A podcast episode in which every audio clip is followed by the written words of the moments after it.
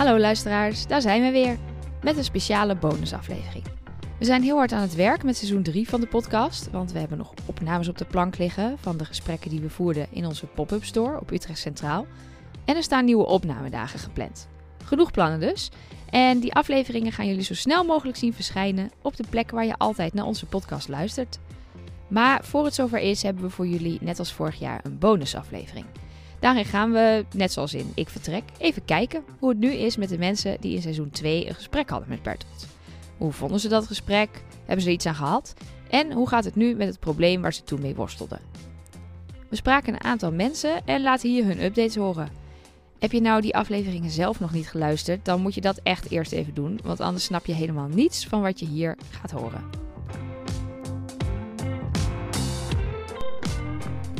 We beginnen met Marielle. Ze sprak met Bertolt over moeite hebben met kiezen. Het gesprek ging al vrij snel de diepte in en ze kwamen zelfs uit op thema's als het nut van ons bestaan en wat je eigenlijk moet doen om je leven te laten lukken. We vroegen haar om een update.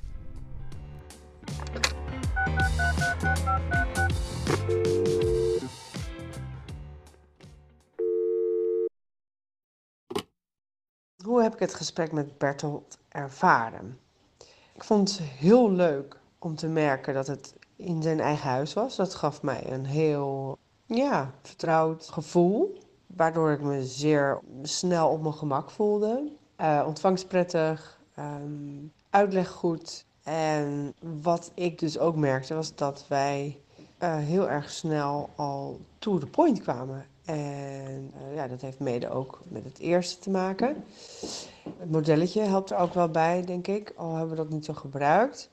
Uh, ja, het is een snelle denker, een snelle schakelaar.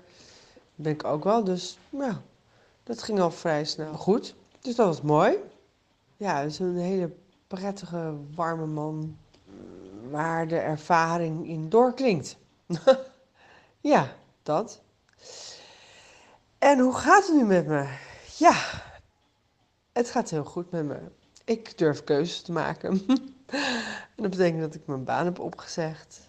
Dat ik keuzes maak en daarom ook niet alles tegelijk meer doe. Het is wel een grote valkuil. Ik ben wel heel snel geneigd om, om veel uh, aan te pakken. Maar goed, dat weet ik nu van mezelf en, en daar hou ik dus rekening mee. Uh, dus ik ben ook wat liever voor mezelf aan het worden. In de zin dat ik niet alles meer tot in de perfectie hoef te doen. Dat, dat is ook wel fijn. En ook dat ik veel meer geniet van ja, de, de, de echte clichés. Dus het, het, het, samen zijn met mijn, met mijn familie, de zon, uh, mooie gesprekken met vrienden. Dus daar wel sneller vervuld in ben. En niet kunnen kiezen betekent natuurlijk ook um, ja, niet conformeren ergens aan. Dat durf ik ook wel meer. Ik, ik merk wel ja, dus dat het een, een, een echte strategie was hè, om, om ook mezelf niet kenbaar te hoeven maken. Maar dat ik wel steeds meer voor mijn keuzes kenbaar wil zijn en open en transparant wil zijn. En dat verandert wel weer de contacten met de medemensen omheen. Nou, uh, dit dus eigenlijk. We gaan door met Paul. Hij kwam bij ons terecht omdat het hem niet lukte om een boek uit te lezen. Klinkt misschien een beetje als een onbenullig probleem, maar Paul had er echt last van. En in het gesprek met Bertolt werd al gauw duidelijk dat er meer achter zat. Het zorgde er bijvoorbeeld voor dat hij zich een slappeling voelde. Hij wilde heel graag een boek uitlezen om te bewijzen dat hij geen slappeling is. Hij vertelde ook nog dat hij binnenkort naar Frankrijk zou gaan om bij iemand een vloer te leggen, inclusief plinten, hoopte hij, want wat nou als hij die klus ook niet wist af te maken? We blikten terug en vroegen Paul wat hij nou eigenlijk zelf van het gesprek vond. Terugkijkend op het gesprek, ik vond het een uh, prettig gesprek met een uh, flinke vaart erin. Die uh, een aantal punten bij me aanraakte waarvan ik wist ja, die, die, die, dat, ik dat, dat ik die lastig vind. Dat ik daar de neiging heb om omheen te gaan. confronterend, het voor de spiegel staan en zeggen ik ben een slappeling. Dat was uh, uh, lastig, ook wel pijnlijk. maar ik merk nu dat ik, uh, ja, er is een soort acceptatie, of nou, een acceptatie dat het er is en dat het een deel van mij is. Maar dat het niet zo niet is dat ik uh, me daardoor laat leiden. Het grappige is de, de lamellenvloer leggen in, in Frankrijk. Dat daar wel de plinten op zitten. En het is niet zo dat me dat dan extra trots maakte. Maar meer, oké, zo doe ik het dus. Ik kom nog wel regelmatig tegen dat, het, uh, of dat ik me bewust ben van het feit dat ik daarin uh, hoge eisen stel die ik niet waar kan maken. Maar terugkijkend vond ik het een, een heel waardevol gesprek. Wat de afgelopen tijden, maanden, dat ik me realiseer dat, het, dat daar veel meer een keuze in zit. En het is wel grappig dat ik dan 68 moet worden of 67 moet worden om daar achter te komen. Um, het is nu meer een keuze geworden, maak ik de dingen af of maak ik ze niet af? En ben ik er tevreden mee en is het zo dat ik nu bezig ben met de omgeving, dat die er tevreden op zijn? Waar het natuurlijk over ging, het lezen van een boek. Ik uh, zit nu op de camping en uh, nadat ik een boek wat ik al jaren meenam, waar ik steeds, waar ik steeds tegenaan liep, dat ik het niet uitlas, dat heb ik een tijd geleden maar, weggegooid. Omdat ik dacht van ja, dit, dit, dit gaat hem niet worden. Heb ik nu een, uh, wat boeken meegenomen en heb mijn eerste boek uitgelezen, een detective. En dat was erg lekker om te doen.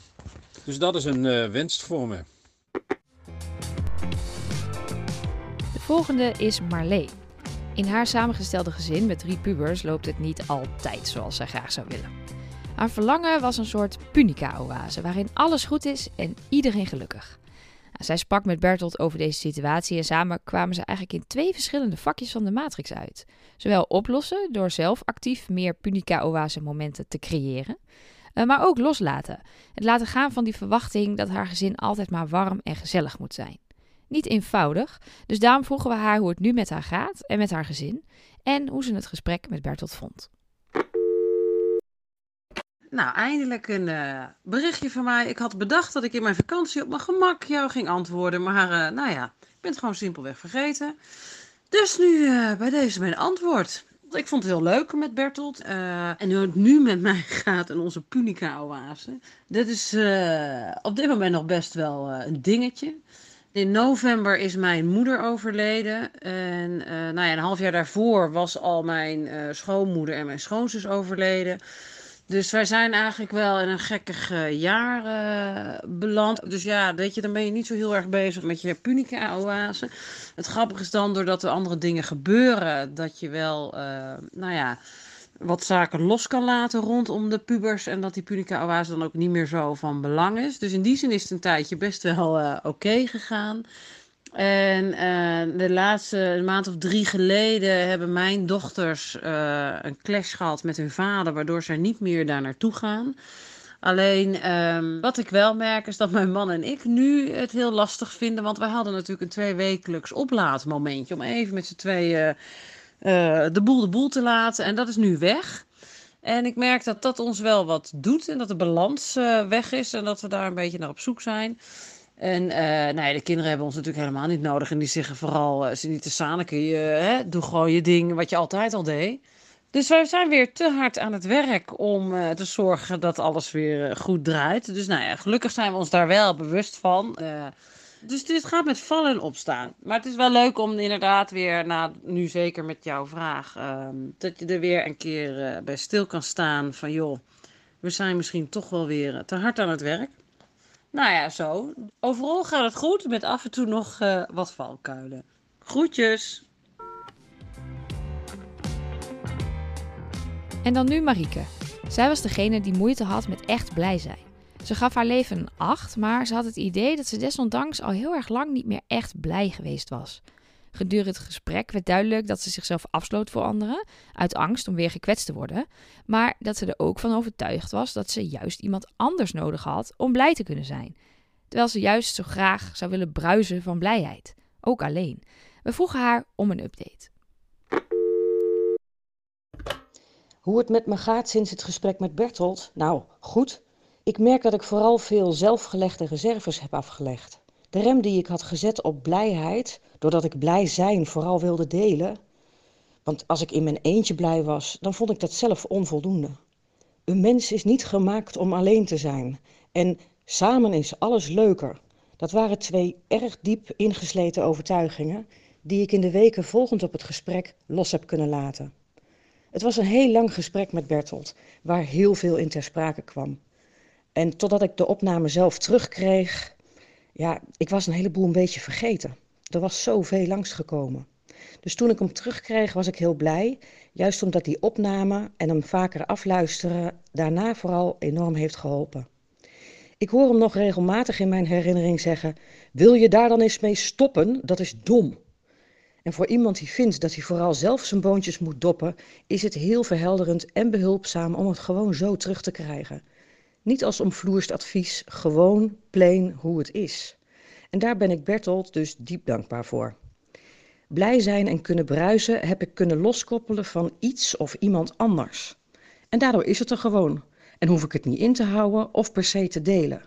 En als ik dat op momenten toch nog steeds zo voel, dan deel ik het gewoon met het universum, als een briefje in de lucht. Wie weet wie het dan nog weer kan inademen en waar dat dan weer goed voor is. Dus, bedankt. En dan Babette. Zij was bijna klaar met haar studie geneeskunde, maar was er eigenlijk achter gekomen dat ze geen arts meer wilde worden. Ja, maar wat dan wel? Tijdens het gesprek wisten Babette en Bertolt het om te draaien. Het probleem is niet dat ze niet meer weet wat ze wil. Ze weet juist heel goed wat ze wil: geen arts worden. Maar wat dan wel? Ja, dat hoeft ze eigenlijk nog helemaal niet te weten op dit moment. Het is inmiddels even geleden, dus we vroegen haar hoe het nu met haar gaat en of ze tegenwoordig wel weet wat ze wil. Uh, allereerst, um, het gesprek met Bertolt vond ik heel uh, interessant. Ik had nog nooit zoiets gedaan. En uh, het feit dat we mijn probleem hadden omgedacht, vond ik, nou, dat is natuurlijk heel fijn. Dat is waar ik voor kwam. Maar het bracht me ook echt veel. Daarna kon ik lichter over mijn probleem nadenken eigenlijk.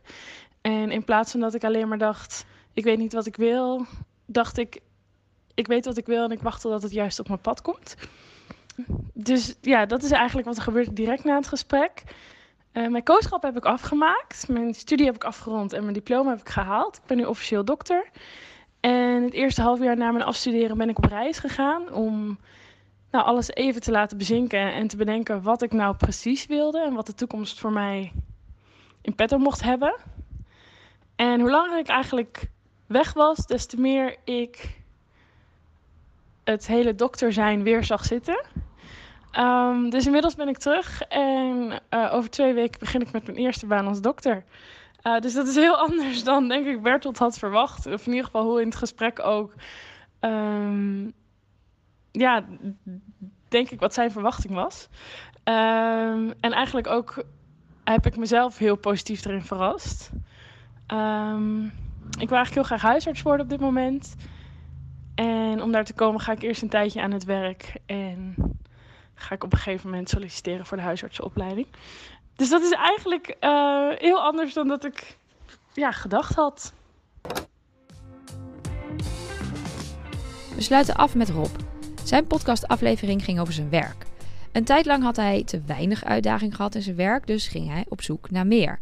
Dat was iets te goed gelukt, want nu had hij juist last van stress en onzekerheid over het werk dat hij leverde.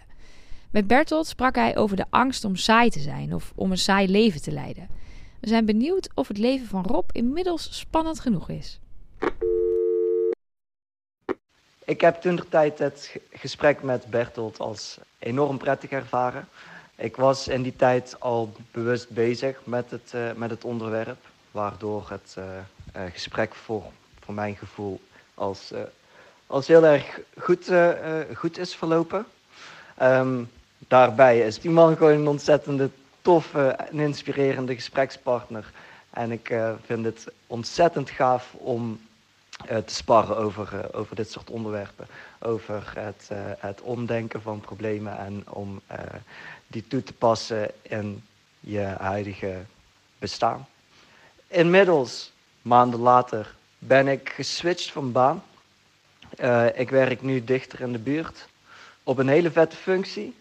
Minder stress, minder druk. Ik heb het gevoel dat ik op mijn werk de zaken lekker onder controle heb. En dat ik ook ontzettend gewaardeerd word om wie ik ben en wat ik doe. Dus wat dat betreft het is, is, het, is het een stuk, stukken beter. En ben ik blij dat ik die keuze heb gemaakt. Uh, verder heb ik het saai zijn uh, niet omarmd.